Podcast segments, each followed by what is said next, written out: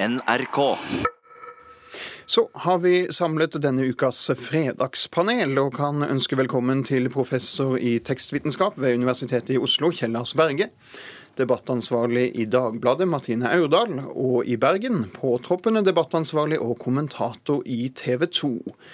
De siste ukene har vært tiden for de politiske partiledernes halvårige oppsummeringer med skrytelister av alt de har fått til mellom nyttår og sommer. Og med regjeringsutvidelsen i januar var det kanskje ekstra spesielt for Venstre-leder og kulturminister Trine Skei Grande å legge fram regnskap. Så må jeg få lov til å være litt kulturminister, da. Eh, vi har nå fått rigga 2019 til å være det store bokåret. Vi har kommet i gang med store endringer som kommer til å skje på mediebransjen. Vi føler oss i hvert fall veldig godt mottatt i Kultur-Norge. Og spørsmålet vårt er har Kultur-Norge fått det bedre med Trine Skei Grande som kulturminister? Tja, jeg får lov til å si det, ja. Nei. Nei. Hvorfor ikke? Mathias? Nei, altså, Jeg vil først og fremst si nei fordi at det har gått veldig lite tid. og Hun har ikke fått lagt frem noe statsbudsjett ennå. Det tar det tar selvfølgelig tid før man får noen resultater av en ny minister. Men det jeg vil si, er jo at jeg tror Kultur-Norge skal være glad for at man nå har fått en kulturminister som er liksom personlig opptatt av kultur og er glad i kultur og kulturpolitikk. Og det tror jeg også man kommer til å merke, at det her er en statsråd som valgte dette, dette departementet sjøl, eh, og ikke fordi at det var på en måte inngangen til å skulle bli statsråd. Martine, Dagbladet ga Skei Grande en treer på terningen da dere presenterte karakterboka. Det er ikke mye å juble for? Nei, det er ikke det. Og det Mathias Fischer eh, ikke, eller på en veldig diskré måte her, er jo at Trine Skei Grandes eh, største fordel som kulturminister er at hun ikke er Linda Hofstad Helleland. Hun eh, blir vel tatt imot fordi folk vet at hun er opptatt av kultur. Hun har et ekte engasjement. Hun har vært en aktiv kulturbruker i alvor. Hun har vært å se på teaterforestillinger og museer lenge før noen tenkte på at hun skulle bli kulturminister. Hun har reist på signingsferd rundt omkring i Norge og blitt vel tatt imot i store deler av kulturlivet. Men foreløpig så har hun ikke levert noen store saker. Eh, så jeg har hørt eh, mange av de jeg har snakket med som har sagt sånn Når de hadde besøk av kulturministeren, så håpet de at hun skulle komme med et eller annet løfte og, og tegne opp noen visjoner. Men de har ikke foreløpig kommet. Så får vi se hvordan fortsettelsen er, for forventningene er høye. Ja, når jeg sa tja, så var det nettopp av den grunn. Altså, det er klart at Jeg har jo drevet med kulturpolitikk selv i organisasjonslivet i mange år, og sånn, så jeg vet jo veldig godt at det er store forventninger til Stine Skei Grande. Hun har snakket pent, og hennes parti da, har snakket pent om kultur i mange år. Og, og Det er viktig for dem, og det er jo ikke nødvendigvis så viktig for veldig mange andre partier. Det har vi jo erfart. da. Men det er mange viktige saker som hun har som utfordringer. altså Dette med litteraturpolitikk f.eks. er jo ganske viktig. Altså Det at det skal være eh, stor satsing på Norge på Frankfurtermessen, er jo ikke hennes skyld. da, ikke sant? Det ligger jo langt tilbake i tid at det er utvikla. Men det er jo veldig viktig å si at uh, i Norge så trengs det å styrke f.eks. kunstnerøkonomien. ikke sant? Altså Norske forfattere. Vi hadde et veldig sterkt utspill fra Jan Kjerste her i avisa som gikk til angrep på merkegrunn. Egentlig så handlet hans artikkel om at kunstnere har fått dårligere råd. Forfattere har mindre penger å rutte med. Og hvis vi skal opprettholde kvaliteten på norsk kulturliv, så må altså stipendene økes. Det må bli mer penger til å drive med kunst, rett og slett. For det skal bli bra kvalitet på den kunsten vi skal ha i Norge. Og det gjelder for så vidt også den bredere litteraturen. da. Så det er mye, altså det er småpenger som brukes på det i Norge. Altså Vi bruker mye på museer og sånn, men vi bruker ikke mye på kunstnerne som sådan. De tjener veldig lite penger, altså. Det som er den store fordelen eh, ofte med å ha en partileder som kulturminister, er jo at man har en tyngde innad i regjeringen til å skaffe de pengene. Og på kulturfeltet så er det ganske lite penger som skal til for å gjøre veldig mye sammenlignet med andre felter. Så det er jo lov å være håpefull fram mot eh, statsbudsjettet som kommer til høsten. Og der er det jo egentlig Trine Skei Grande virkelig forvist om hun leverer eller ikke. Men er det foreløpig for, for, for lite eh, handling og mest ord, Mathias? Jeg vil bare si en ting til det Martine sa der, at det er jo ikke gitt Altså, det er lett å tenke at det at du har en eh, partileder som kulturminister skal føre til mer penger, mer gjennomslag. Men det kan òg være krevende for en partileder som da må, må, være diplomatisk, må unngå at det ser ut som hun bruker sin partilederrolle for å, for å tjene seg sjøl. Det er litt sånn som vi i Bergen synes det er flott å ha en, en statsminister fra Bergen. Men jeg tror en statsminister fra Bergen er ekstra bevisst på å unngå at det ser ut som om hun gir ekstra penger til hennes hjemkommune. Så det er ikke gitt at det nødvendigvis er en fordel, hvis Trine Skei Grande ønsker å være diplomatisk. Men Hver statsråds jobb er jo å skaffe mest mulig penger til sitt felt. Ikke sant. Nei, bare For å ta et eksempel på hvor lite penger som går til kultur. altså Jeg har sittet i sakprosautvalget i Kulturrådet. Det gis 10 millioner til støtte til sakprosa i Norge for å kjøpes inn. da.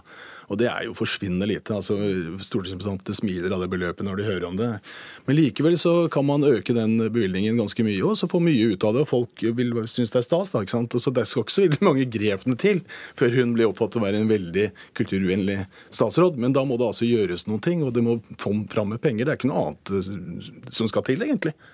Det, institusjonene er jo der, miljøene er jo der, folkene er jo der. Så det er bare å liksom satse på dem. Men samtidig kan det vel være et område det er vanskelig å få folk fornøyd på, da? Dere hadde jo klaga hvis eh, Hofstad Helleland fortsatt hadde vært minister, og dere klager når ja, Skei Grande er minister. Jeg, jeg har for så vidt ikke sagt noen ting, men, eh, men, det er klart at hun hadde litt andre måter å formidle kultur på, på en litt annen og litt pussigere måte kanskje, enn det vi er vant med. Eh, det vil jeg nok si. Altså Veldig sånn nasjonalistisk, romantisk. Og det, det, er jo ikke sånn man skal profilere Norge som kulturnasjon. Vi er jo framoverrettet, er vi ikke det da?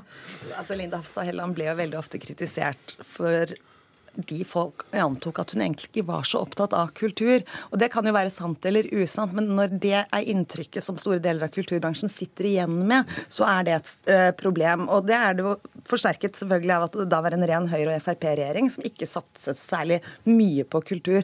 Og der er det jo håp om at Venstre nettopp vil kunne gjøre en forskjell i denne regjeringen. Vi må gå videre til neste tema. I går kunne vi høre i Kulturnytt at personer med innvandrerbakgrunn blir stadig dårligere representert i norsk presse. I bare 2% av nyhetsartiklene fra de største mediehusene er de brukt som kilde. Og det til tross for at folk med innvandrerbakgrunn utgjør mer enn 16% av befolkningen. Vi hører Sylo Taraku i tankesmien Agenda. Det er viktig at eh, alle grupper i samfunnet eh, blir hørt og, representert. Men det er også viktig når det gjelder tillit, at eh, folk som føler seg representert og hørt, vil også ha større tillit til institusjoner i samfunnet, inkludert medier. Og så til spørsmålet, Har innvandrerne en del av skylden selv for at de ikke er bedre representert i nyhetsdekningen i norske medier, Mathias? Eh, nei. Nei. Nei. Ikke noe av skylden selv? Ja, det er ingenting mer de kunne ha gjort, eh, Kjellas? Nei, altså, Jeg syns dette er veldig lave tall. Jeg synes det er sjokkerende lave tall, faktisk. Og jeg lurer litt på hvordan det står til med våre journalister når vi får så lite stoff fra den delen av befolkningen som dette er. Og det, er jo altså nesten 11% og det er en ganske stor andel av befolkningen. Jeg tenker også at det har noe å gjøre med altså at eh, innvandrerbefolkningen, hvem nå det er, da. ikke sant? Altså Det er jo en sammensatt gruppe, for å si det mildt. Eh, kanskje deltar litt for lite i samfunnet, og så er litt for lite aktive på de områdene hvor det faktisk er saker. Men så kan det også være at det er en sterk konsentrasjon i visse områder i Oslo f.eks. Jeg vet ikke. Jeg leser eh, noen Oslo-aviser. Dagsavisen har jo ganske god dekning, syns jeg. Den eh, dekker Oslo øst, f.eks. Som ofte ikke dekker særlig godt. Jeg er selv vokst opp i Groruddalen og vet at eh, Groruddalen er et lite interessant område å skrive om hvis det ikke er negativt, for å si det sånn. Ja, litt i vinden om dagen, kan du si. ja, Men sånn var det når jeg vokste opp, kan jeg si. Men både, både NRK og VG sa i går at de må bli bedre på dette. Hvordan står det til med dere i Dagbladet? Nei, vi har ikke, så vidt jeg vet, eh, tall på dette. Og det tror jeg er mye av forklaringen. Eh, alle som har vært opptatt av mangfold, enten eh, det gjelder mangfold i denne betydningen eller eh, kjønnsrepresentasjon eller andre typer mangfold i mediene, vet at for å få et bredt utvalg av kilder, så må man ha en høy bevissthet rundt det. Og telleøvelser er i den sammenhengen veldig nyttig. Og der har vi mulig Unnskyld hvis jeg har noen kolleger som har, vært, uh, har levert noen strålende tall som jeg ikke har sett. Men jeg tror det handler mye om det. At kanskje tror man etter hvert at ting går litt av seg selv, og så gjør det da ikke dem går. Tvert imot så synker jo andelen ganske dramatisk når eh, innvandrerbefolkningen øker og man fortsatt er på 2% Så jeg tror at bevissthet uh, har mye å si. og Derfor er det bra at vi diskuterer dette nå, at vi får disse tallene på bordet. Og så opplever jeg at store deler, altså som jobber med meningsjournalistikk, at det er stadig flere både innvandrere og barn av innvandrere som søker plass i offentligheten, og som er sterke stemmer eh, i stadig større grad. Men vi vet også at de får utrolig mye eh, både positiv og negativ respons, og at det eh, koster. at det burde ikke være opp til enkeltpersoner å skulle kjempe seg fram til den plassen, for der har da åpenbart vi journalister gjort en altfor dårlig jobb. Så er jo en del av bildet også at selvfølgelig at det er altfor få minoriteter på Journalisthøgskolen og blant journalister, og rekruttering til bransjen er også et viktig del av løsningen. Og kanskje også få eh, minoriteter i posisjoner som naturlig gir mye mediedekning som maktposisjoner, eh, Mathias? Ja, det, det, mener jeg helt klart er en faktor. At man må jo være i en posisjon for å være i media for å være i media. Men dette handler jo mye om journalisters eh, kildearbeid. Eh, og da tror jeg at vi må snakke om medieøkonomien som en del av dette. Når du har få journalister på jobb, så tyr de selvfølgelig til de kildene de kjenner til. De tar den telefonen til de de vet at det eksisterer. Og da er det høyere terskel for å finne ut hvem andre, hvilke nye kilder kan vi bruke i denne saken. Eh, sånn at det at man har en svekket medieøkonomi, færre journalister på jobb, det tror jeg er en faktor. Og som oppfølging av det, da blir det òg vanskelig å rekruttere folk med innvandrerbakgrunn inn i redaksjonene, som det er helt vesentlig, mener jeg. Fordi at det er veldig få innvandrere som jobber som journalister. Og det vil være ekstremt bra for norsk offentlighet å få et mer mangfoldig, eh, mer mangfoldige redaksjoner, mer mangfoldige journalister som kan bidra til å speile samfunnet bedre. Vi må videre til eh, dagens tredje tema. For isen er du bygget, og i isen skal du tilbringe din beste tid. Og der skal du løse dine oppgaver. Ja, Dette var ordene Roald Amundsen brukte da polarskuta Maud ble døpt i 1917.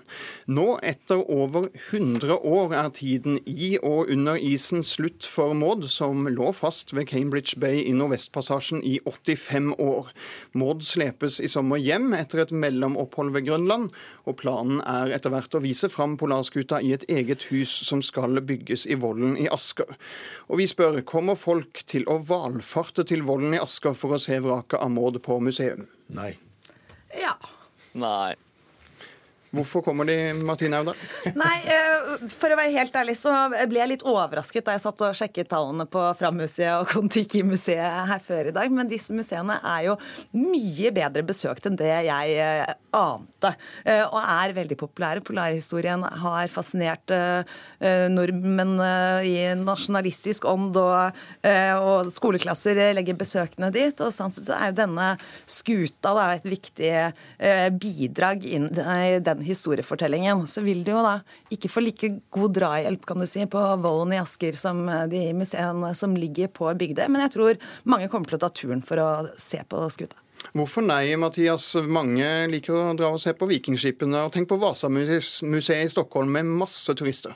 Ja, men det er jo mange som bor utenfor Østlandet òg, så det blir litt lang vei. Eh, men eh, nei, altså, jeg, er helt enig i at dette er en sentral del av norsk kulturhistorie, eller norsk historie, som jeg tror mange er opptatt av.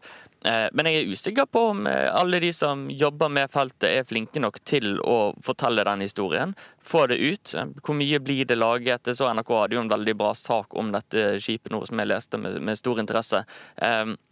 Men det er jo en, det er en, formidlingsutfordring her som jeg tror at man står overfor for å fortelle en del av norsk historie som mange i utgangspunktet er, kjenner litt til, eh, men jeg tror at man har mye mer å fortelle og mange flere å nå ut til. Og der, der tror jeg man har en, en jobb å gjøre. Og det var det vi rakk til. Fredagspanelet er over, men Nyhetsmorgen fortsetter en halv time til.